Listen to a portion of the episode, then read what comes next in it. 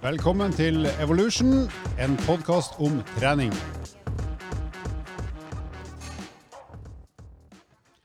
God morgen, dag eller ettermiddag, folkens. Vi er tilbake igjen i Evolution podkast. Med meg i dag i studio har vi en Lars Mæland som akkurat nå holder på med pushups for å prøve å se pumpa ut, selv om han bare skal høres. Og så har vi Andreas Skjetne som har på seg Mikke Mus-headsetet sitt. I tillegg til undertegnere som er akkurat like lite pen som sist uke. Gutter, hva har skjedd siden sist? Og da vil jeg kun vite om helse- eller treningsrelaterte ting. Lars, du er andpusten etter tre pushups. Hva har skjedd? Ny rekord i pushups. Nei, du, jeg har hatt ei faglig helg. Det vil si uh,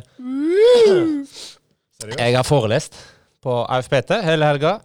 Anatomi og biomekanikk. Kjempespennende. Mange flinke studenter. Har ikke fått trent så mye sjøl, men litt støl. Jeg skal vise Nordic hamstring på lørdag, og det å, Fryktelig andpusten. Ja. Det var tungt. For de som kjenner Nordic hamstring som øvelse, så er det en ekstremt tung øvelse for baksida av låret. Men den er òg en veldig gunstig øvelse. For forsidelår. Ja. Innsidelår. Nei, ja, både, både idrettsspesifikt, men òg eh, i forhold til å bli enda sterkere i hamstring. Og bare for å si det, de som lurer på hvorfor han lar seg andpusten og bare snakker på utpust, så har han faktisk tatt tre pushups. Det er derfor. Det er ikke noe annet han har gjort i forkant av denne den sendinga her, bare for å ha klarert det umiddelbart. Andreas Skjetne, hva har skjedd i ditt liv? Uh, ja, hva har skjedd? Nå har jo høsten virkelig gjort sitt inntog, så nå er det jo dårlig vær.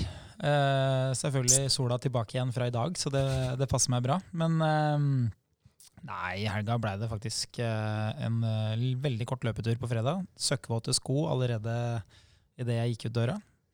Eh, men jeg starta uka i dag med å løpe til jobb, så nå er det i gang. Så betyr det at lørdag og søndag har du gjort it? Eh, ja, det er vel ikke veldig langt unna. Hun hjemme har jo dratt meg med på noen sånn serie som vi skal se, som heter Peaky Blinders. Og eh, meget, Fantastisk serie, by the way. ja, den er veldig bra. Det eneste som ikke er veldig bra for meg, Handler er om jo Irland på 1940-50-tallet. Aldri sett den. Nei, den er bra, altså, faktisk. Men, Men Handlinga eh, i Middlesbrough. Middlesbrough. Nei, det som er problemet, er jo at det er jo da en hel haug med sesonger, selvfølgelig. Så du kan jo bruke en arbeidsuke på å se den serien. Så da blir det alltid eh, til at man legger seg for seint og må stå opp tidlig. Men du, får vi se det på konkurranse i høst? Det er tusenkronersspørsmålet. Ja, det er jo målet, da. Nå er jo formen bra, så nå er det jo absolutt verdt å teste det. Men uh, den uh, helga som kommer uh, om to uker, da Mm. går det jo et maraton på sand. Det ryker. Yes. Da er jeg i Trondheim og lærer noen andre utholdenhet. Eh, men så kommer det et vintermaraton på Jessheim i midten av november. Og det kommer også et vinter-OL snart. ja, det gjør det. Det skal godt gjøres å få løpt skikkelig fort under vinter-OL. Snøløper, det er ny. Den grenen burde være spennende. Nei, så Hvis det har litt flytt, så blir det ikke så tidlig vinter. Mm. Så kan man bare la løpesesongen vare helt til midten av november, og så konkurrere og bare gå rett over i skigåing. Og så et privat, tilnærma i hvert fall privat spørsmål. Når du ligger og ser på Peaky Blinders med din samboer, hva har du på deg da? ja, hva har jeg på meg da? Jeg har ikke på meg leggevarmere. leggvarmere. Har du Grandiosa-antrekket, splitshorts nemlig og- boksershorts og sokker? Og så er det sånn, Peaky Blinders, der er det på med sixpensen. Sixpence med sånn eh, Hva er det de har for noe? Barberblader har de bak på eh, sixpensen, så de kan slenge inn i ansiktet på folk. Veldig merkelig greie. Koselig. Det har jeg ikke på meg heller, faktisk. Du, Jeg fikk et bilde av kona di i helga, og hun sendte meg bilde av at du spiste tacobagett. Stemmer det?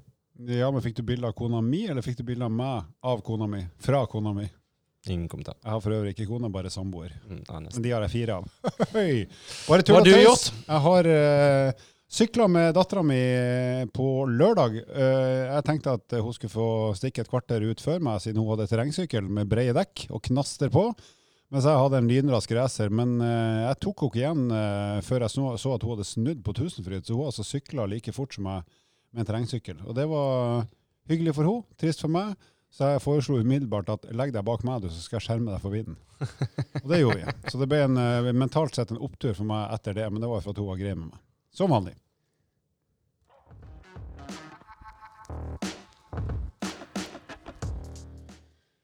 Det vi skal snakke om hovedsakelig i denne episoden her, det er intensitet. Og vi skal snakke om intensitet både i kondisjonstrening og i styrketrening. Og vi skal ikke bare snakke om intensitet som et fenomen, men vi skal prøve å gjøre det litt praktisk anvendbart, så dere får et innblikk i hva slags effekter får man på ulike intensiteter, både i styrketrening og kondisjonstrening. Og litt av grunnen til at vi har uh, valgt å snakke om det nå, det er at Olympiatoppen har, har jo i mange år hatt en intensitetsskala som stort sett hele Kondisjons-Norge har brukt. Uh, men den er nå utvida eller raffinert ytterligere, sånn at den har egentlig tatt med flere variabler enn det som har vært før. Så når vi snakker om intensitet i kondisjonstrening nå, så er det ikke bare hvor høy puls du har, men en del andre ting som vi skal se på også. Og I tillegg så er det jo vel, veldig mange av de som hører på oss som trener styrke, som egentlig gir blaffen i pulsen, men de er mer opptatt av hvor tungt skal jeg løfte, hvor mange løft skal jeg ha. Så vi skal også snakke litt om intensitetsstyring i styrketrening. Men eh, vi begynner med kondisjon, tenker jeg, og han raskeste av oss. Eh, Andreas, du kan jo ta oss litt sånn inn på hva er poenget med en intensitetsskala i det hele tatt? Hvorfor har man det? hvorfor skal man gidde å bruke det? Eh, grunnen til at man har intensitetsskalaen, er jo fordi at den skal kunne gi en god oversikt over den treninga som som du gjennomfører. Uh, Idet du trener mer enn veldig sjeldent, så vil det være veldig smart å kunne styre treninga for å oppnå ulik effekt. Uh, for de som da har trent litt, så, så vet man at eh, det er jo en forskjell på å trene hardt og trene rolig. Det, det kjennes litt uh, ulikt. Og, og, det som er forskjellen på å trene hardt og det å trene rolig, det er òg at det gir litt ulik treningseffekt. Uh, men når du trener mye mer, så vil det være sånn at uh, du hadde kanskje en treningsøkt i går, du skal ha en ny treningsøkt i dag. Og det gjør at uh, hvordan du føler deg, og hvordan du føler at kroppen er, bein, armer, avhengig av hvilken treningsform du velger, vil ikke alltid være så enkel å få oversikt over. Uh, sånn som for min del, da, nå når jeg løper til jobb i dag tidlig, og, og, løper da litt over to mil Når jeg skal trene i morgen, så vil jeg nesten uansett ha bein som vil kjennes tunge, slitne ut. De vil kanskje gjøre nesten litt vondt. Uh, selv om jeg løper lett. Om jeg velger å løpe hardt eller lett i morgen, så vil det fortsatt føles veldig vondt ut. Og da kan det være kjekt å bruke en form for intensitetsstyring. Og da har man jo ulike parametere man kan velge. Det, det, som ofte kanskje er eh, det mest kjente, da, det er jo hvordan jeg føler meg. Mm. Uh, og det er det vi kaller en subjektiv opplevelsesskala. Hvordan har jeg det med meg sjøl akkurat nå? Ja. Uavhengig av alt annet, egentlig. Og det er, den, det er den enkleste å bruke. Men dessverre så er også det kanskje den som eh, har størst feilmargin. Fordi subjektiv oppfattelse det baserer seg i veldig veldig stor grad på hva du har gjort. Eh, hvis jeg skal bruke en metafor der, da, sånn at man forstår det, så kan du si det sånn at opplevelsen din av arbeidsdagen på mandag er at den dagen ofte er mye lengre enn arbeidsdagen din på fredag selv om de ofte kan være like lange. Ikke i det nye norske samfunnet hvor ingen er på jobb på fredag, men, men, i utgangspunktet så vil du kjenne at arbeidsdagen på mandag føles lengre enn arbeidsdagen på fredag. Og det handler om subjektiv oppfattelse. Det handler om at du bedømmer det du opplever på bakgrunn av hva du har opplevd. Og Sånn er det med trening. Så Hvis jeg løper da to mil i dag og skal løpe fem kilometer i morgen, så vil det uansett føles lettere ut i morgen enn det det gjorde i dag. Og da vet vi at subjektiv bedømmelse det vil fungere bra for den som trener sjelden, og som eh, ikke liksom er nødt til å treffe på treningsøktene, og som styrer liksom på en knivsegg om det blir for mye trening, for lite trening. Mens for en toppidrettsutøver eller en som trener mye, så er man avhengig av å ha bedre måleparametere enn subjektiv følelse. Mm. Så det er vel subjektiv følelse være et supplement, men det er ikke det som i hovedsak styrer hva man gjør i økta. Så er det jo én ting å si i forhold til subjektiv uh, opplevelse, det er jo at skal den funke, så må du være ærlig med deg sjøl. Ja, og det, jeg har jo noen eksempel fra toppidretten, eh, i og med at der jeg kommer fra sist. Og der eh, brukte vi begge deler. Eh, og de utøverne som var på en måte mest ærlige med seg sjøl, og som hadde mest erfaring, er de som kjenner kroppen sin best. Og der kunne vi bruke subjektive opplevelser og oppfattelse i, større, i større grad. Og så er det jo igjen litt avhengig av hvilken aktivitet man skal utføre og har utført. For Der er det noen preferanser og noen ulikheter i forhold til bevegelsesformen. Eh, og hvor stor belastning det vil være på kroppen. Og ikke minst hvor mye du har gjort det før. Ikke sant. Så vi har jo vært litt innom tidligere at uh, i andre episoder, hvis man ønsker uh, f.eks. å forbruke flest kalorier, man ønsker uh, høyest mulig um, forbrenning, så har vi jo snakka om at man må velge øvelser man er godt kjent med. Og, og der òg kommer det med intensitetsstyring ganske godt til syne. Eh, Jeg har jo vært innom det her eh, i en podkast for veldig lenge siden, helt i starten. Eh, Jeg snakka om at eh, 1999. 1999, faktisk. Bra år, det. 1999. Ja. Nei, da var jeg innom at uh, når jeg var på sydentur, så pleide jeg ofte å, å legge opp til at jeg skulle svømme annenhver dag. For, for at jeg skulle bli litt bedre til å svømme. Og da kunne det være sånn at Første dagen så svømte jeg kanskje i et kvarter. Svømte ikke veldig langt. Jeg er absolutt ikke god til å svømme. Eh, og jeg liker jo å svømme crawl, og da måtte jeg jo ha litt pauser på bas- bassengkanten, så ikke jeg drukner i bassenget. Og da kunne jeg subjektivt si at jeg, nå ligger jeg og pusher på både 7, 8 og eh, nesten opp på 9 på skalaen. Jeg, det er så nærme at eh, jeg ikke klarer å, å svømme mer. Og hvis jeg da bruker et annet parameter, f.eks.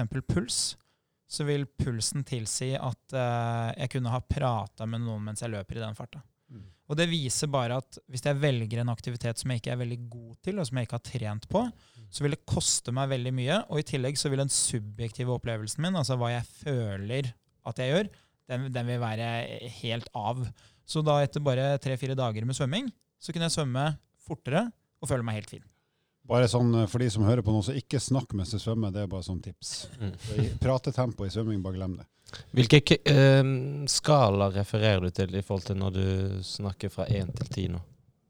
Uh, nei, altså hvis du skal bruke subjektiv eh, vurdering, da, så, så kan man jo uh, gjøre det på, på hvilken måte man vil. Men man har jo en, en skala som, som heter Borg-skala, som går til 21, hvis ikke jeg tar 20, fra, 20. fra 6 til 20. Så fra 6 Men det er veldig lang og knotete, så det er så små forskjeller med hvert trinn at den blir nesten tullete. Ja, og, og selv når man bruker en skala for subjektiv vurdering, så ser man òg at man ikke klarer å oppgi helt riktig. Eh, Jeg har jo vært med på et sånt eh, forskningsprosjekt for hjertepasienter, og da var eh, et av parameterne puls, det andre var subjektiv vurdering. Og da så vi at det var veldig store avvik når de skulle subjektivt vurdere seg selv, fordi den som aldri hadde trent før, Mm. den sa at det her er 17, Mm. Mens den som hadde trent mye, kunne si at uh, dette her er 8. Mm. Og eh, den som sier at det er 17, da, der vet jo vi at det fins veldig mye eh, prestasjon igjen. Eh, de, de skulle gjerne sykle 3-4-5 minutter til. Og vi visste at ok, hvis du er på 17 nå, da kommer du til å være på 33 her om eh, tre minutter, og det, da stemmer ikke skalaen. Så, så det subjektive vurderinga, den, den er litt sånn rotete, nesten. da. Den, den blir vanskelig å følge. Den er lettest å bruke hvis du, hvis du krysser den med en annen type skala. Hvis du bruker f.eks. da puls og subjektiv vurdering. Mm. Da begynner man å treffe mye mer.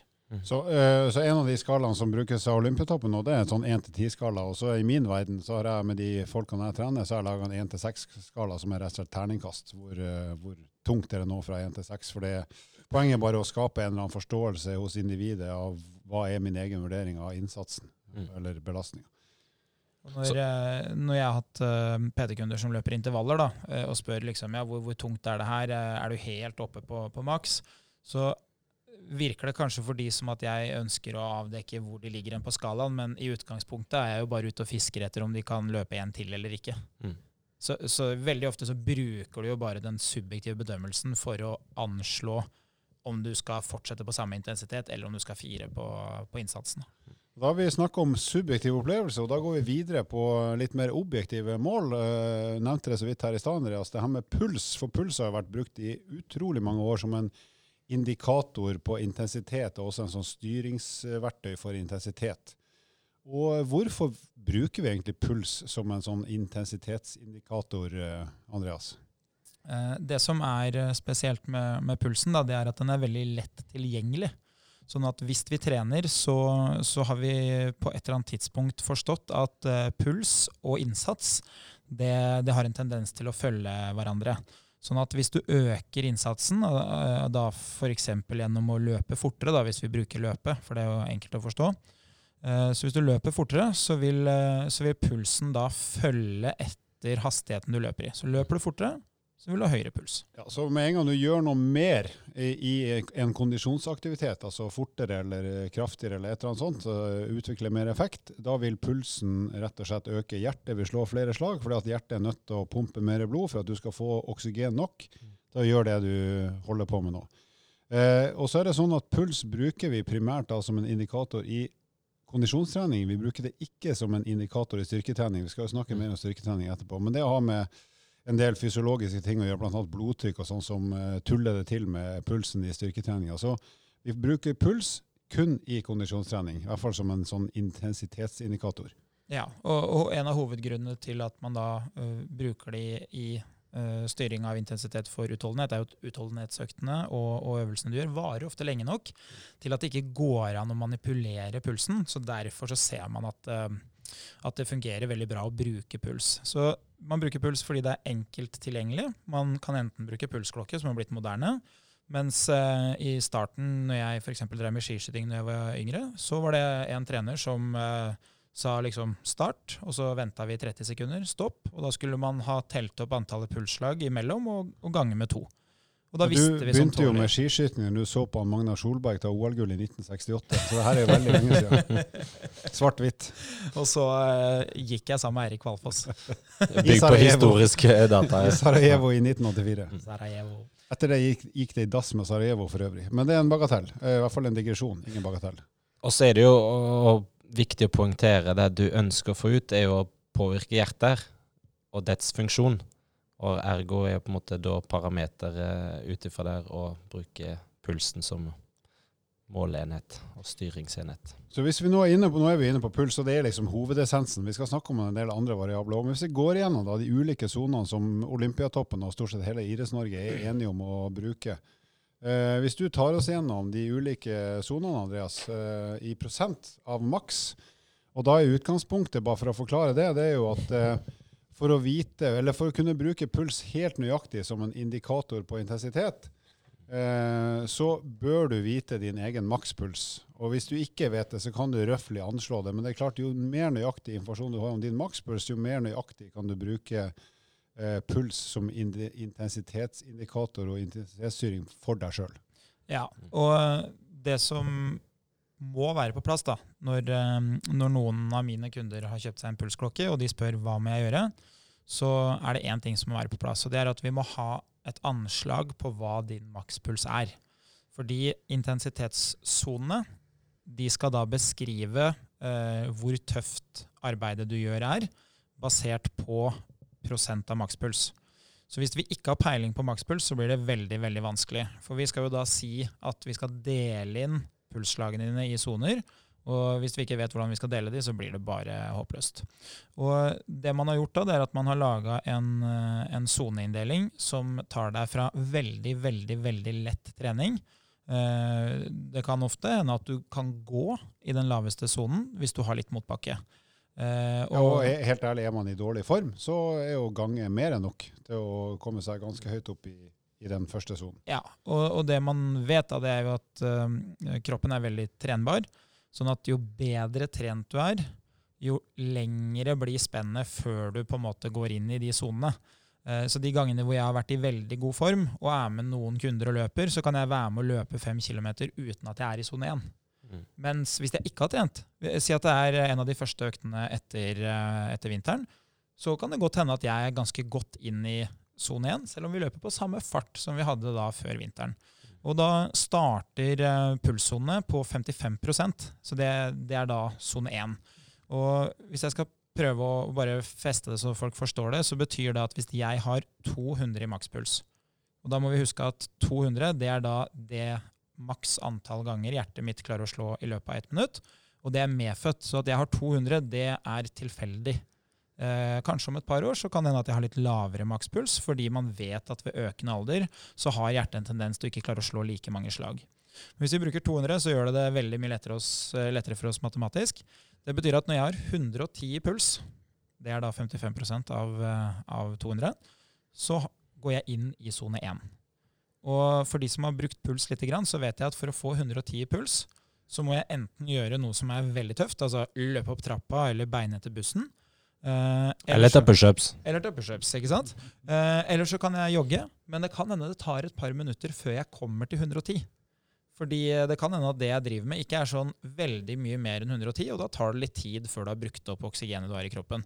Mens hvis du velger å gå for en 100-meterrekord eh, til bussen, så vil du besøke 110 i løpet av få sekunder. Mm. Uh, og da er det sånn at fra 55% til 62 Hvis ikke jeg tar helt fra 72. 72. 72. Fra 55% til 72% da er man i sone 1. Så det betyr da at uh, når jeg kommer opp til 124 slag, altså da mellom 110 og 124, da er jeg Nei, sorry, 144. Så 110 til 144, mm. ca. 35 slag, da, 34 slag imellom der. Der ligger jeg i sone 1. Og det som da er sone 1, det er eh, skravlefart. Mm. Så hvis vi tre hadde dratt opp på Sognsvann og begynt å jogge og skulle jogge i sone 1, så skulle pulsen min ha ligget mellom 110 og 144. Mm. Og da kunne jeg ha prata med dere. Mm. Og da kunne jeg òg ha holdt på ekstremt lenge. Da holder vi på en fart hvor jeg mest sannsynlig, hvis jeg ikke får problemer med gnagsår eller at man får vondt et sted, så kan jeg løpe så lenge at jeg på et eller annet tidspunkt må ha mat. Fordi jeg har òg trent for å kunne holde på så lenge. Hvis du ikke har trent noen ting, så, så vil du jo mest sannsynlig bli tatt av slitasjen. Og det som er litt viktig å huske på at det her er jo en individuell sone som gjelder for deg. Eh, så hva du må gjøre, hvor fort du må bevege deg for å være i sone 1, det er det kun din fysiske form akkurat nå som avgjør. Så hvis vi hadde jogga rundt Sognsvann, så hadde nok vi tre kunnet vært i sone 1 og jogga i omtrent samme tempo, selv om jeg sikkert hadde vært litt tregere enn dere eller måtte jobba litt høyere opp i sone 1. Men hadde Ingebrigtsen-gutta kommet forbi oss, og de også hadde holdt på i sone 1, så hadde de fløyet forbi oss. fordi at deres form og kapasitet er så mye større enn vår at de hadde løpt mye fortere enn oss mm. når de er i sone 1. Så er du i kanonform, så beveger du deg fortere i sone 1 enn en som er i dårligere form. Sånn er det. Ja. Uten at det er noe som er gærent eller rett, men det er bare viktig å huske på at sone 1 for ett menneske betyr én fart, og kan være noe helt annet for en annen person. Ja, og det som vi begynner å se konturene av når vi snakker om, eh, om sone 1, og at det er forskjellig hos forskjellige mennesker og i forhold til hvor godt trent du er. Så det som endrer seg, da, det er at hvis du får et økt oksygenopptak, og du får et litt større og sterkere hjerte, så vil jo hjertet ditt kunne pumpe litt mer blod. Så det betyr at det som da var 110 slag for meg når sesongen starta, det er ikke den samme mengden blod som 110 slag er i dag. Fordi jeg har et litt større og sterkere hjerte, så kommer det litt mer blod, litt mer uh, oksygen. Så for min del da, så løper jeg kanskje så mye som to km i timen raskere i dag på samme fart.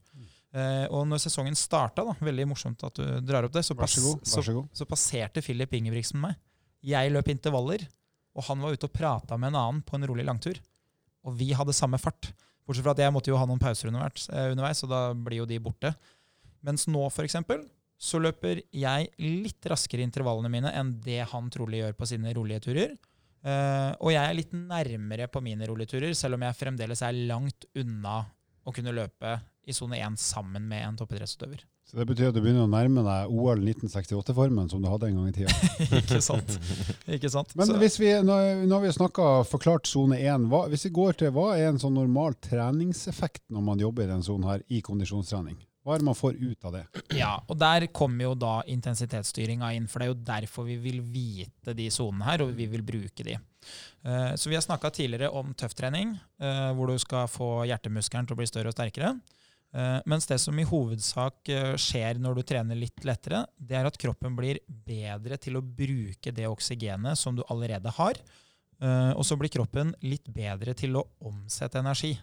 Og siden intensiteten er såpass lav, så er det i hovedsak fett da som brukes. Så kroppen blir rett og slett bedre til å forbrenne fett. Uh, og det som skjer Da det er at da bruker man det oksygenet man har tilgjengelig, og så bruker man det fettet som er lagra i de uh, cellene i kroppen som lagrer fett, fettcellene, og så sendes de til de musklene som brukes, og så spaltes det her, sånn at du får energi. Og gevinsten av å trene rolig er to ting. Det ene er at du blir mer arbeidsøkonomisk. Altså på sikt så vil du kunne få samme utbytte, men litt billigere du, du, rett og slett gjør arbeiderne dine litt bedre. Det er som en bil på bensin som kan kjøre i samme fart, eh, men bruke mindre drivstoff. Litt ja. sånn banalt. Ikke sant? Så du rett og slett eh, kan fylle sjeldnere, eller du kunne fått lov å kjøre fortere, men med samme forbruk. Mm. Så det er det ene. Og den andre grunnen til at uh, toppidrettsutøvere i stor grad trener mye i den farta her, uh, eller i den intensiteten, da, det er jo fordi at du får trent musklene dine. Uh, sånn at du tåler mer trening. Så hvis jeg skal tåle å løpe si nye to mil per uke neste år, så vil det være en fordel for meg å trene mye rolig. For hvis jeg trener mye hardt, så vil jeg slite så mye på kroppen at det er stor fare for at jeg skader meg istedenfor at jeg klarer å løpe mer neste år. Da. Men eh, For, for deg som ikke trener veldig mye, la oss si du trener kanskje én til to ganger i uka, så vil jo sone én eh, i utgangspunktet ikke være kanskje veldig hensiktsmessig. Vi skal snakke mer om de øvre sonene etterpå. Men, men det her er primært en intensitet og en intensitetssone som er for folk som trener ganske mye, og som kanskje trener til å bli god i en eller annen bevegelsesform. Løp, sykkel, roing, et eller annet sånt.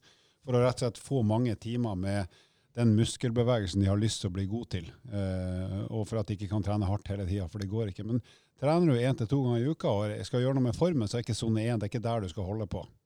Det kan vi vel være litt sånn klar på. Ja, og Det som er fordelen da, for deg som uh, tenker å trene én til to ganger i uka, men kanskje har trent litt sporadisk eller hatt en, en lengre pause og et langt opphold, så vil det være sånn at idet du setter i gang med en type aktivitet, så jo dårligere trent du er, jo mindre differanse er det egentlig mellom sonene.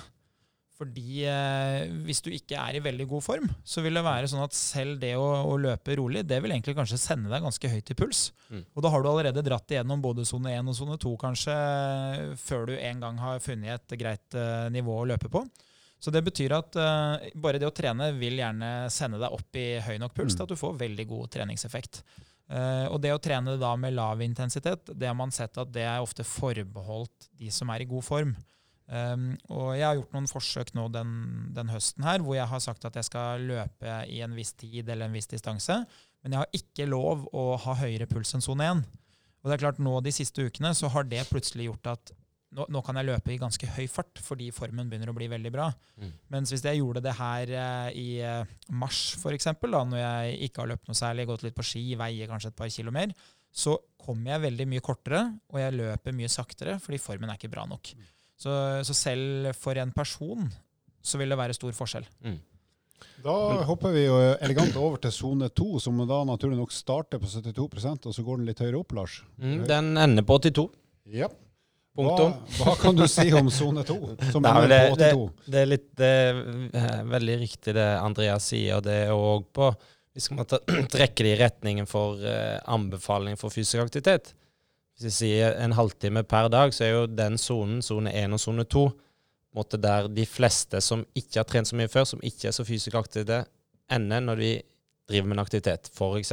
gå til jobb eller gå av bussen et stopp tidligere osv. Og så, så der, i den sonen, havner de fleste.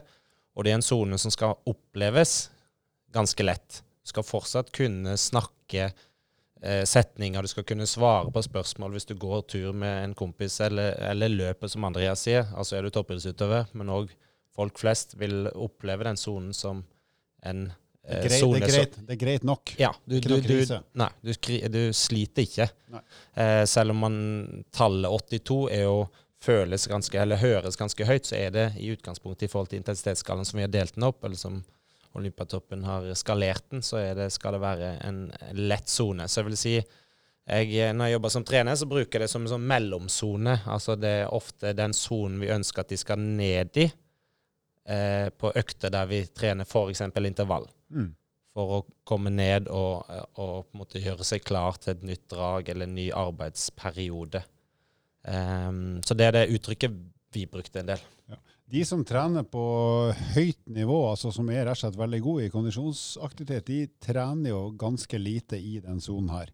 Men det kan være en sånn del av en pause, en intervall.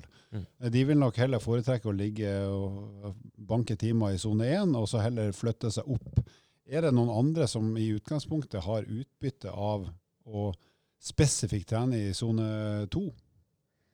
Eh, nei, det er som du sier, det er jo veldig få egentlig som, som bruker det. Men det man kan se, da, det er litt avhengig av hvor, uh, hvor god du er. Så, så, vil jo det at du uh, enten ligger i sone tre eller i sone to når du har litt sånne lengre konkurranser, så de som ofte deltar i litt lange konkurranser, sånn typisk ultramaraton og sånn, der går jo mye av konkurransefarta i sone to. Mm. Fordi det rett og slett er for lang varighet. Og du klarer ikke å holde på så lenge. altså Det er jo enkelt sagt. Og så er jo spennet veldig lite. Altså det er 10% Så spennende, altså det å komme inn i sone 2, eller fra, altså overgangen sone 1, sone 2, er jo relativt lite. Ja. Før du er inne i den sonen. Og på en måte det å tippe over 82 da begynner det å på en måte skje en del ting som du vil merkbart føle på din egen kropp og kjenne på din kropp, i tillegg til å se på klokka di og se at du er høyere oppe. Ja, og sånn, eh, Hvis vi er tilbake på, på sånn rent praktisk, da, så fra 72 til 82 eh, Det betyr at da går vi fra 144 slag til 164 slag. Eh, og det er som Lars sier, at eh, det skal ikke være veldig lang og bratt motbakke før jeg spretter over 164. Mm. det skal heller ikke være veldig mye slak nedoverbakke før jeg ramler på nedsida. Så man skal egentlig ha trent veldig mye hvis man skal løpe litt sånn kupert da, og klare å holde seg innafor. For det betyr at du skal gi gass i nedoverbakkene, men bremse i motbakkene. Mm. Uh, og erfaringsmessig så ser man at de aller, aller fleste mennesker de løper på takt. Så hvis du velger en fart i starten, så blir det ofte til at du holder den både oppover og nedover. Eh, Jeg har jo trent veldig mye på at jeg skal kunne treffe på intensitet. Jeg syns det er veldig morsomt å, å kunne løpe litt fortere nedover, slakke av litt oppover. Men nesten alltid hvis jeg løper med noen som ikke trener så mye, Mm. så vil du se at de løper ifra meg oppover, og så løper jeg ifra de nedover. Fordi de fleste bare følger etter den takta de hadde i starten. Du løp fra meg oppover og nedover når vi løp sammen sist, Andreas. Så det sier vel mest om min form. Jeg triller jo fra dere nedover, i hvert fall. Bare for å ha sagt det. Da er vi over på sone tre, som da går fra 82% til 87 prosent. Her begynner det å bli litt mer slitsomt. Eller hva, gutter? Ja, Det man ser da i sone 3, det er at sone 3 for godt trente, det er fortsatt under det vi kaller for terskel. Eh, Og terskel det er eh, det nivået hvor du ikke lenger får inn nok oksygen. Vi Mm. snakka jo om melkesyre her i en tidligere episode. Eh, Og hvis vi da er tilbake på, på metaforen, da, så betyr det her at nå begynner vi å nærme oss smertegrensa for at du bruker mer enn du har. Mm. Så, så terskel det er liksom den tydelige røde linja hvor eh, hvis du går over den, da, da begynner du å krite. Da begynner du å låne. Eh, og hos uh, godt trente så, så kan du holde på i sone tre veldig lenge. Og da ser man ofte sånn typisk maraton. De fleste maratonløpere de er litt i, sone tre, gjerne uh, i startfasen. Kanskje de første 30-40 prosentene, og så kan de bevege seg over da, i neste sone og besøke terskelen sin. Mens hos utrente så har man sett en del studier at uh, der ligger gjerne terskelen i sone 3. Mm. Så hvis du ikke har vært ute av sofaen på en stund, eller du ikke har trent veldig mye uh, tøft, så vit det at uh, ok, man snakker om at uh, terskelen ligger oppe i sone 4, kanskje. Den gjør ikke det. Den ligger gjerne rundt 80 hos, uh, hos utrente. Og bare husk på da at det, Nå snakker vi jo om når du gjør bevegelser du kan. Så f.eks. Mm. en løper som da finner ut at oi, nei, i dag skal jeg sykle, og så skal jeg ha 83 av makspuls, for det går helt fint. Så går ikke det helt fint, for beina dine kan ikke sykle. Altså din muskulatur er god til å løpe, ikke å sykle. Så det her gjelder jo da når vi gjør bevegelsesformer vi allerede kan teknisk. Det Mm. gjelder jo egentlig uansett. da. Så du kan få et sjokk hvis du bytter aktivitetsform og plutselig finner ut at oi, jeg har stive bein, men pulsen er jo ingenting. Nei, og det som praktisk skjer, da, det er at uh, når du løper, så, så veit musklene hva de skal gjøre. Mm. Så når du løper og treffer terskel, da, da har du ikke nok oksygen. Det er ikke nok oksygen tilgjengelig. Men hvis vi drar tilbake til den svømminga som jeg drev med i bassenget, da, der har jeg jo sikkert en terskel som går i sone to. ikke sant? Det var sommer-OL i 72 i München, var det ikke? Stemmer. stemmer. Det var da det rant nedover. Ja. Eh, nei, så Det som skjer der, det er at jeg har mer enn nok oksygen. Jeg har jo bevist det gjennom løping, at det er nok oksygen. Det er bare at de musklene som svømmer, de, de veit rett og slett ikke hva de skal gjøre. Det blir altfor tøff jobb. Så, så der eh, blir terskelen liggende langt under hva jeg egentlig har tilgjengelig av oksygen. Og da går det jo over på det som har med teknikk, altså din utførelse, din, eh, dine krav til teknikk eh, krever for mye oksygen, og da klarer du ikke å dekke det. Men det bringer meg over på en annen ting, og det er som et lite eksempel fra 5000-challengen vår. Så, en, så lå, når jeg ser på klokka etterpå, på pulsklokka, så var jeg nesten hele økta i sone 3, som et eksempel. Uten at jeg aldri stivna. Jeg sleit jo med litt andre ting, men jeg var aldri over terskelen. Og det er på en måte der viser det, det at vi kan holde på en varighet på rundt fem timer, selv om jeg var høyere oppe på enkelte av aktivitetene, bl.a. staking og roing, eh, som, eh, som er en annen bevegelsesform enn en det eh, jeg er vant til, eller så har brukt trent og trent så mye på. Så mm, det viser bare at den treningsformen man er god på, det er det man òg har lavere puls på. Men hva skal man bruke sone 3 til? Jo, det er jo da for de som er i god form og som gjør en bevegelsesform de behersker, så er det det vi kaller terskeltrening. Så eh, når du skal øve på å kanskje løfte terskelen eller jobbe lenge på melkesyreterskelnivå, så er det den sonen her du holder på med. Og Sånne økter kan typisk være 10-minuttersdrag, 20-minuttersdrag, kanskje opp i 30-40-minuttersdrag med noen korte pauser, bare for å være helt sikker på at man ikke samler opp melkesyre. Og hvis du er i den kategorien at du ikke er liksom i tipp topp form enda, så er også den sonen her egentlig ikke kanskje det du skal bruke mest tid på, men du kommer nok til å touche innom den på vei inn i sone fire. Så eh, toppen av sone tre vil nok være der du toppen av sone tre og, starten på sone fire, som vi skal, snart skal snakke om, det er der du kommer til å operere mest, i hvert fall når du skal trene intervaller med, med høy intensitet. Ja, og et tips jeg vil komme med der, er lat som at du skal løpe intervaller i sone tre hvis du er utrent. Fordi veldig ofte så ender det med at du ramler opp i sone fire. Fordi det er ofte tøffere enn det du tror. Mm. Mens uh, når man har trent en god periode, og hvis man ikke er liksom veldig offensiv, så ser man at det motsatte skjer. Da kan det fort være at man blir løpende litt for sakte fordi man har ikke så lyst til å, å, å, få det vondt. Mm. Så uh, hos utrente og de som skal i gang, uh, legg lista litt lavere enn en, Ta det heller litt kulig. Uh, mens for de som har trent en stund, tør å gi litt gass. Det er, det er ikke farlig at det smekker litt. Og så er det som jeg sier hver gang vi snakker om intervalltrening, da, husk at det siste er kulere at det siste draget er best, enn at det første draget er best, og så blir alle de andre dårligere. Så derfor, som Andreas sier, ta det heller, tenk heller at det er sone tre-drag først, og så kan det hende du vipper inn i sone fire etter hvert. Men da har du sannsynligvis gjort det på en smart måte. Da er vi over på sone fire, og den er da 87 til 92% av maks, og her skjer det mye moro med et hjerte nesten uansett form, gjør det ikke det? Nå begynner vi å snakke at det, at det koster litt mer. Nå, det her er jo en sone som jeg er veldig godt kjent med selv. Løpt mye intervaller, uh, trent mye tøft. Uh, vi har vært litt sånn tidligere inne på uh, hvilke type aktiviteter. Vi snakka vel litt med Melina om det i, i en episode òg.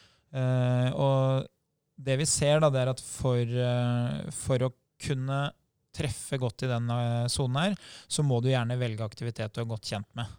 Det blir veldig veldig vanskelig eh, for meg for eksempel, å sette meg på romaskina i dag og skulle treffe på sone fire-intervaller. Mm. Mest sannsynlig fordi at i, i det jeg når sone fire, så er jeg så kjørt i muskulaturen som brukes til ro, at jeg ikke klarer å fortsette. Mens hvis jeg løper, som jeg er godt kjent med, så, så, kan jeg variere ganske uh, mye på hvor lenge jeg klarer å ligge der. Uh, og det man ofte får til hvis man velger en uh, kjent aktivitet som man tåler bra, det er jo at man kan holde på litt lenge. som Halvor sa i stad, jeg kan tillate meg på en måte å kanskje starte bitte litt roligere i begynnelsen av draget, og så øke farta litt underveis. Og da etter hvert se at ok, nå kommer jeg inn i sone fire her, og så kan man da faktisk bli liggende der en stund. Og det, det, er jo fordelen med den sonen her, at her, eh, her, slår hjertet veldig mye. Altså det begynner, nærme seg, begynner å nærme seg maks av eh, fylling av blod. Sånn at du får trent hjertemuskelen som en muskel i veldig, veldig god, god effekt. da. Så her er det vi rett og slett kaller hjertetrening. Mm. Men da er det viktig, som Andreas bare gjenta det, at for å få trent i den sonen her, så må du gjøre bevegelser du kan. Så hvis du ikke kan sykle, ikke ta den økta her på sykling. Da bruker du beina går, går i motbakke, jogger eller løper, hvis det er det du behersker. Og Så kan du selvfølgelig trene på å gjøre andre ting, sånn at du blir i stand til å bevege deg på andre måter etter hvert, for å kunne trene tøff intervalltrening også. Men ikke, ikke tren de øktene her med mindre du kan bevegelsesformen du, du, skal bruke.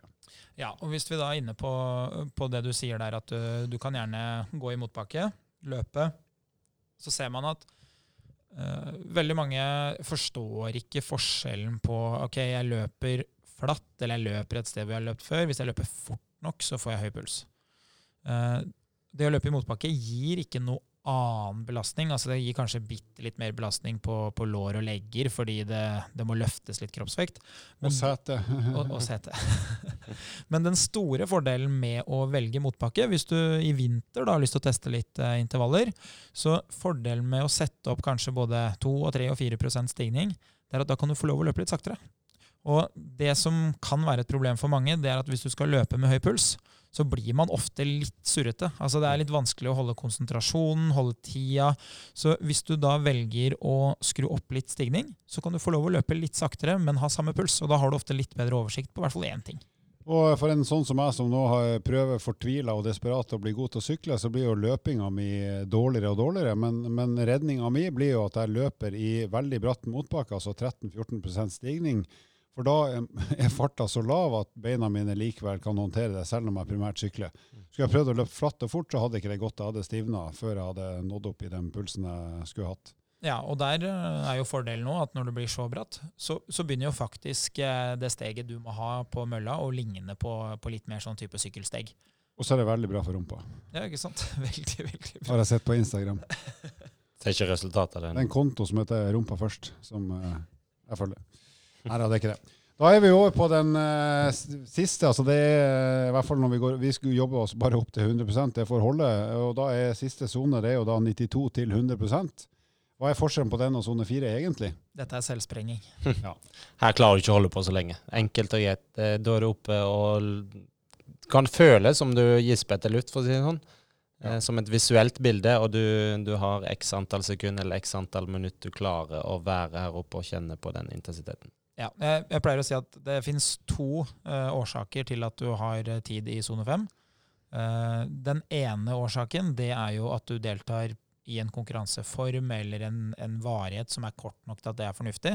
Mm. Uh, F.eks. hvis jeg skal løpe 400 meter eller 800 meter. altså Vi snakker ikke intervaller med flere repetisjoner. Vi snakker All out. den Mm. gangen jeg ikke deltar på 800.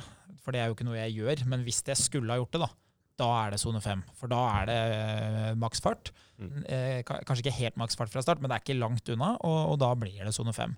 Den andre grunnen, og det er den beste grunnen, det er hvis du har en intervalløkt med si eh, fem ganger fem minutter, da, bare som et eksempel. Og så har du treft veldig bra på de tre første, og så klarer du å pine gjennom den fjerde. Da kan det fort hende at på slutten av den fjerde og, og på slutten av den femte, så, så skapes det tid i sone fem. Mm. Men da skyldes det òg at du begynner å bli såpass sliten at, uh, at man ser at kroppen er ikke like effektiv til å bruke oksygenet. Mm. Noe som gjør at hjertet må slå litt ekstra. Mm. Og, og da er det fornuftig. Mens det å trene og legge opp intervalltrening hvor du skal ha sone fem, uh, det er ikke fornuftig uh, i det hele tatt, egentlig. Og det fins en veldig god årsak. Og det er at når du når 95% av maksimal hjertefrekvens, altså når vi begynner å nærme oss de siste ti slagene, da, for meg, når vi bikker eh, over 90, når vi går opp i 195 slag, da går hjertemuskelen så fort at den rekker ikke å fylle seg helt med blod før han tømmer seg igjen. Og da får man jo ikke den effekten som man er på jakt etter, den styrketreninga på hjertet. Så det man ser er at eh, det å holde seg fra rundt 90 til 95, det er veldig, veldig optimalt. Men fra, fra 95 og opp, der, eh, der begynner hjertet å slurve litt. Og det skjer også med, med pusten. Eh, Så man ser at hvis man løper så knallhardt på de siste intervallene at man begynner å hyperventilere, så får heller ikke kroppen eh, nok luft ned, og du får ikke nok oksygen. Så det å, det å piske seg sjøl så fælt på tampen, det, det har jo ikke noe fysiologisk effekt heller. Bra. Eh, hvis noen da f.eks. har løpt eh, kanskje spesielt 5000 meter eller 10 000 meter så, og liksom gitt eh, jernet, så kan det hende at de der også ser på slutten, kanskje siste kilometer, at de toucher opp i 3-4-95% av makspuls. Men da er det nummer én for at de er kjempeslitne, og så har de masse melkesyre og CO2 som har hopa seg opp, og så har de kanskje et litt lavere blodvolum enn de hadde ved start. Rett og slett pga. at de har svetta ut litt. og Da, og da, da er det årsaker som forklarer hvorfor de er helt oppe i sone fem på slutten av en sånn ganske lang konkurranse der de har tyna godt hele veien. Men i utgangspunktet så, så ligger man nok og slurer i sone fire stort sett hele et sånt løp. Ja, og nå har vi jo vært innom uh, en, en type subjektiv vurdering, ikke sant? der vi sa uh, hvordan jeg føler meg uh, skal vurderes i forhold til hvilken effekt jeg får. Og så har vi vært innom da puls, de ulike sonene. Og så sa jeg i stad at grunnen til at vi velger puls, er fordi puls er lett tilgjengelig. Og så snakka vi om at puls òg følger intensitet. Men det fins én ting til som gjør at puls er veldig fornuftig å bruke. Og det er at hvis vi hadde målt oksygenopptaket underveis Si at eh, nå løper jeg på en fart som gjør at jeg har sone 1-puls, og så løper jeg med maske som, eh, som måler da hvor mye oksygen som blir borte, altså hvor mye oksygen som kroppen min rett og slett bruker. Så vil man se at utviklinga i bruk av oksygen og puls er veldig likt. Så når jeg løper fortere og fortere, så vil jeg bruke mer og mer oksygen, og pulsen vil bli høyere og høyere. Eh, og det følger hverandre veldig veldig fint helt opp i de øverste sonene. Og da ser man at uh, på et eller annet tidspunkt så stagnerer muligheten til å få inn mer oksygen. Så selv om jeg øker farta, så klarer jeg ikke å få inn mer oksygen, men da kan eh, hjertet hjelpe til litt ekstra. Det kan slå litt flere slag, men der òg ser man på et eller annet nivå, så, så når bare hjertet maks. Og da detter vi over i det vi snakka om i stad, at hjertet slår så fort at uh, effekten faktisk daler litt. Du, du får ikke nok, uh, nok, blod inn og ut. Mm. Uh, og det er en av årsakene til at puls er fin metode å bruke for å måle. Men det er også en av grunnene til at uh, det å bruke puls ikke er så fornuftig. For Vi snakka i stad om styrketrening, som vi skal gjennom òg. Uh, så er det jo sånn at uh, når du begynner å bli sliten på tampen av et løp, så begynner hjertet å, å, gjøre litt som det vil, som du sier da, når det blir litt lavere blodvolum. Du har kjørt så hardt så lenge at hjertet klarer ikke å slå færre slag. Det, det, klarer ikke å bli mer arbeidsøkonomisk underveis i løpinga.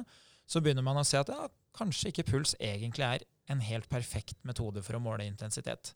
Så da kan du ende opp med at du har en del sone 5-tid, selv om farta du har løpt i, egentlig ikke er noe særlig mer enn sone 4 uthvilt. Mm. Så man får ofte noen sånne variabler som, eh, som, ødelegger litt. Og da er vi over på de to andre faktorene som man også kan bruke i kondisjonstrening og styring av intensitet. Og det er jo da eh, fart, kanskje spesielt når du løper, er dere det, eller går eller løper. Mm. Eh, der du, så lenge du har kontroll på farta, så kan det være en like god indikator på intensiteten din som hva pulsen din er. Men har du både puls og fart, enten det er på mølla eller GPS-klokka eller hva som helst, så vet du jo akkurat hva du gjør i, i form av antall kilometer i timen du, du presterer gående eller, eller løpende. Mm. Eh, og, og, og, koble det med pulsen, så begynner du å få veldig god innsikt i hvor hardt du jobber nå. og Spesielt enkelt blir det da etter hvert å se framgangen. At du kanskje beveger deg litt fortere, men uh, og så er pulsen kanskje ikke blitt så mye høyere, selv om du går fortere. Ok, da har jeg trent hjertet sånn at hjertet slår mer. Og da kan jeg kanskje gå enda fortere for å få pulsen opp, sånn at du egentlig bare baller på seg med positive ting. Så mm. fart er en veldig god og objektiv eh, indikator på det du faktisk driver med. Og så har vi for de av oss som da er glad i å sykle eller ro på romaskin eller stake på stakemaskin, så har vi noe som kalles watt, eller effekt. Eh, som egentlig forteller oss hvor mye kraft vi legger i, i pedalene eller i, i utstyret vi eh, jobber med. Eh, og der kan du da, når du blir interessert i det, så kan du begynne å følge med på når har den og den pulsen. Hvor mange watt produserer jeg da når jeg ror så og så fort, eller staker stake så og så fort, eller tråkker sånn og sånn. Så at du får et forhold til ok, på 80% av min makspuls så ligger jeg kanskje på 250 watt på sykkelen. Så får du et like objektivt mål som hastighet vil være for en løper. Mm. Så du får rett og slett eh, til enhver tid vite at det er akkurat det her du gjør, i form av et watt-tall, eh, som du da kan koble opp mot subjektiv opplevelse og den pulsen du har. Og da begynner du å få ekstremt god kontroll på det du gjør, og veldig mange verktøy til å styre treninga dit du vil. Og watt er jo i utgangspunktet noe man kunne ha brukt i, i, løping. Det er bare at det er veldig vanskelig å måle watt ute. Men på en mølle f.eks. så har man mulighet til å bruke watt. Eh, og Grunnen til at man ikke bruker det, er fordi at de fleste løpere driver egentlig med utendørs løping, så derfor så vil det være tullete å, å bruke to ulike parametere. Mm. Men den sterkeste fordelen watt har, da, sammenligna med, med hastighet, det er at hvis du begynner å knote med stigning når du løper, Altså at du begynner å si ok, jeg løper i 10 km i timen, nå skal jeg løpe i 10 km i timen, men 2% stigning. Så går plutselig pulsen i taket. Fordi da må kroppen eh, løftes oppover bakken. Du må jo begynne med en vertikal jobb i, i tillegg til den forflytninga fremover. Og der er jo watt mye sterkere, fordi watt det tar hensyn til både fart og stigning. For watt handler bare om hvor, hvor sterk motstand er, eller altså hvor, hvor, mye energi må skapes for å gjennomføre den eh, jobben eller det arbeidet du gjør. Så i utgangspunktet, så på en mølle, så kunne man brukt watt. Så jeg kunne sagt at nå skal du løpe intervaller på 200 watt. Og på noen møller, det er ikke så mange av de, men der kan du faktisk få fram wattallet. Men de aller aller fleste møller har blokkert det rett og slett for at det skaper forvirring. Mm. Så da er det stort sett kilometer i timen og, og, og, stigning som er, er, det du får se. da.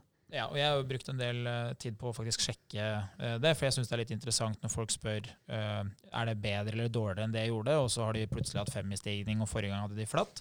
Og det man ser, er at sånn røftlig 2% stigning det utgjør ca. en kilometer. Rett over en kilometer. Så det betyr at hvis du har 4 stigning, så, så, løper du egentlig 2 km i timen raskere enn hva kilometermålet står på. Mm. Og det er det som gjør at det er fryktelig vanskelig for den som ikke har løpt så mye, å begynne å trene sammenhengende ute. Mm. For hvis du eh, har en lysløype der du bor på 3-4 km, og det er veldig kupert det Det har jeg i hagen min. i hagen, faktisk. og det går, eh, går litt opp og ned. Eh, Og du har kommet deg til en form som gjør at eh, du klarer å kanskje løpe på 8 km i timen i 20 minutter på mølla. Så drar du hjem, så begynner du å løpe ute, og så hender det av og til at man løper litt for fort fra start. Kanskje man holder 8 km i timen. Så plutselig så kommer det en liten motpakke. Du holder fortsatt 8 km i timen, for vi løper jo gjerne på takt. Og det stiger egentlig sånn at det plutselig blir eh, 4% stigning. Da er det nesten 10 km i timen. Og det gjør at det å gå fra å løpe på mølle til å løpe utendørs blir veldig veldig vanskelig for mange, fordi man løper rett og slett for fort. Mm. Og der du skulle hatt sone to, så har du plutselig sone fem isteden. Så skal man lykkes hjemme, så må man starte så rolig som mulig hvis man har litt erfaring. Så må man snakke sammen hvis man skal lykkes hjemme. Nei, eh, ja, eh, skulle egentlig ikke si så mye. Nei, så bra. Nei da. Men da går vi over til styrketrening. for Da skal vi få si mye, Lars. Da var hyggelig. nå har vi bare snakka om kondis, og folk tenker ah, kondis, men hva med styrke? Og jo, la oss snakke om styrketrening. Hva, hva slags måter kan vi eh, snakke om intensitet på i styrketrening, Lars? Altså, jeg er jo glad i begge deler. Altså det som heter concurrent training, altså både styrke og, og utholdenhet. Men for å måle da, intensiteten og det, det arbeidet man legger ned, eh, så må man i forhold til styrketreninga vite hva eh, NRM er. Og det vil si altså hvor mye man løfter i et, en repetisjon, maks i en aktuell øvelse.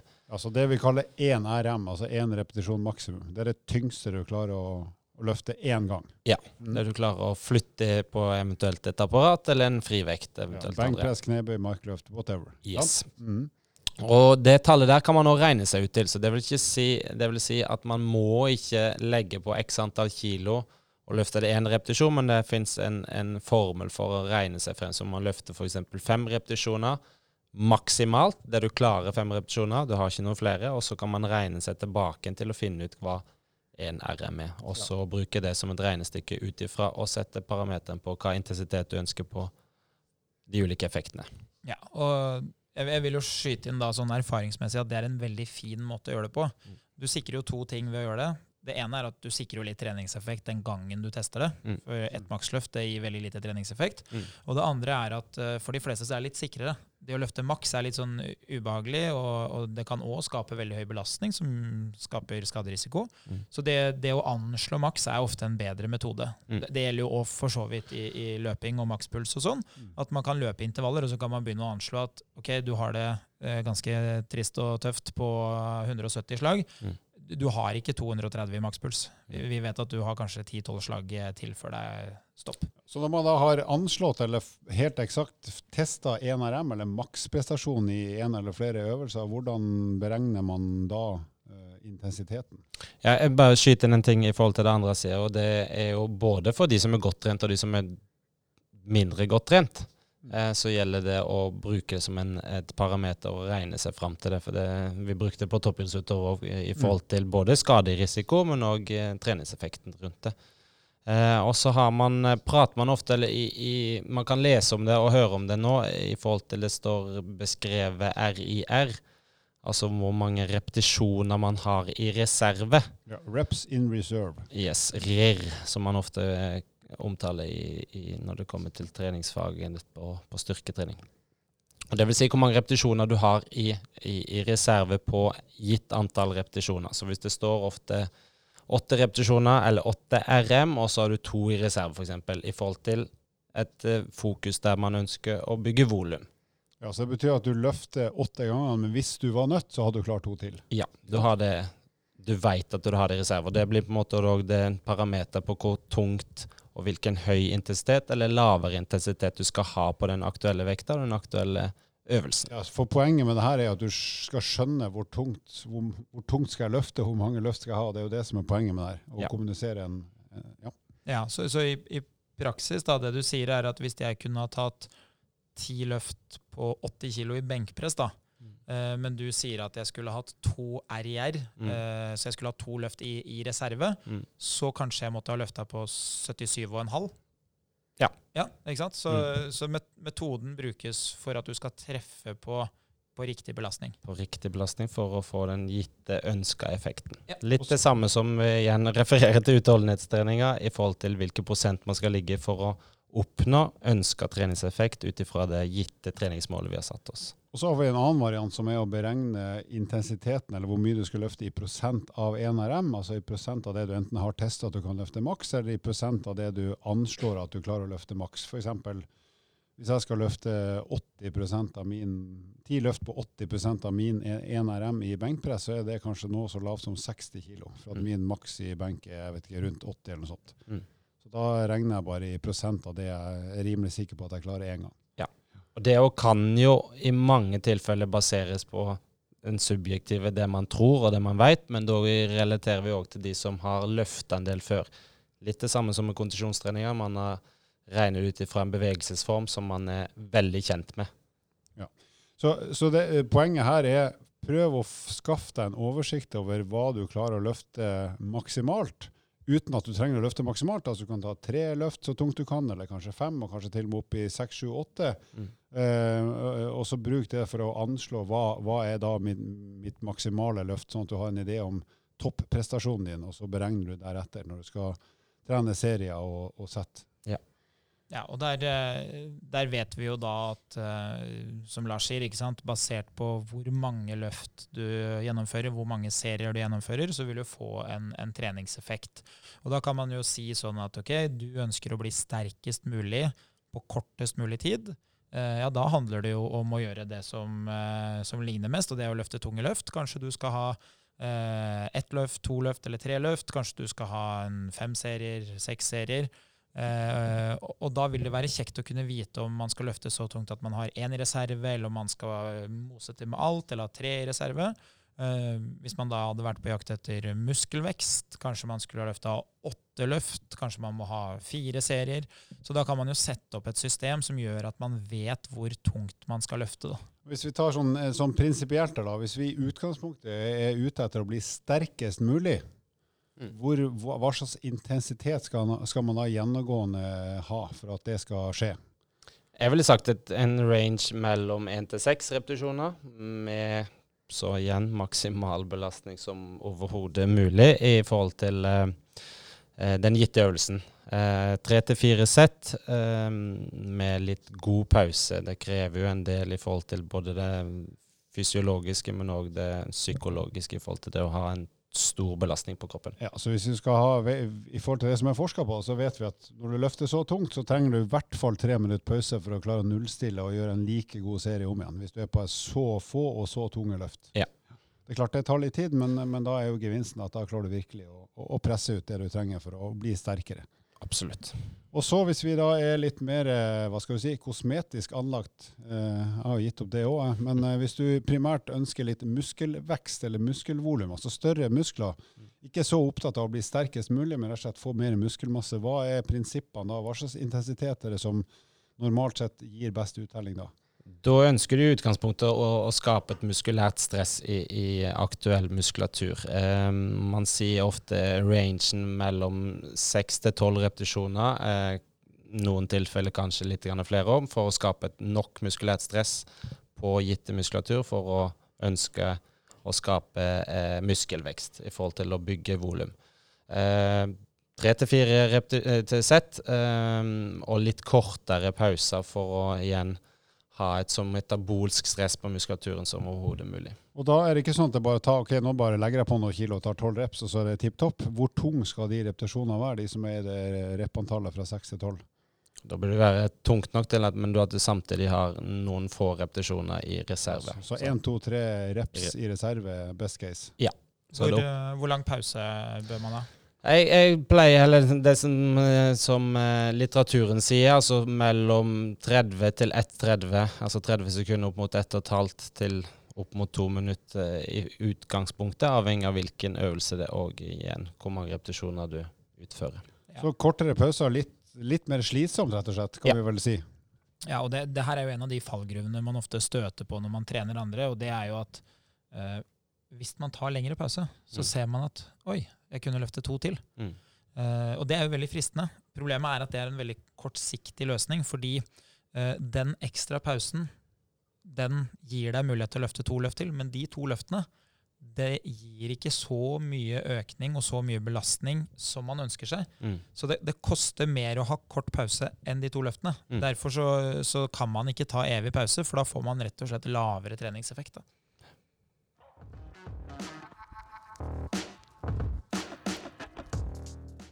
Da er vi eh, over til eh, ukas fun fact, men eh, før vi kommer til den, så minner jeg om muligheten til å sende oss spørsmål på Instagram og Facebook. Vi heter Evo Fitness der, og det går også an å sende inn spørsmål via bloggen vår evolution.no. Så bare send inn spørsmål der, og da er du med i alt mulig av konkurranser. og vi besvarer det enten direkte, eller så tar vi det på lufta her når vi har spørsmål og svarsendinger.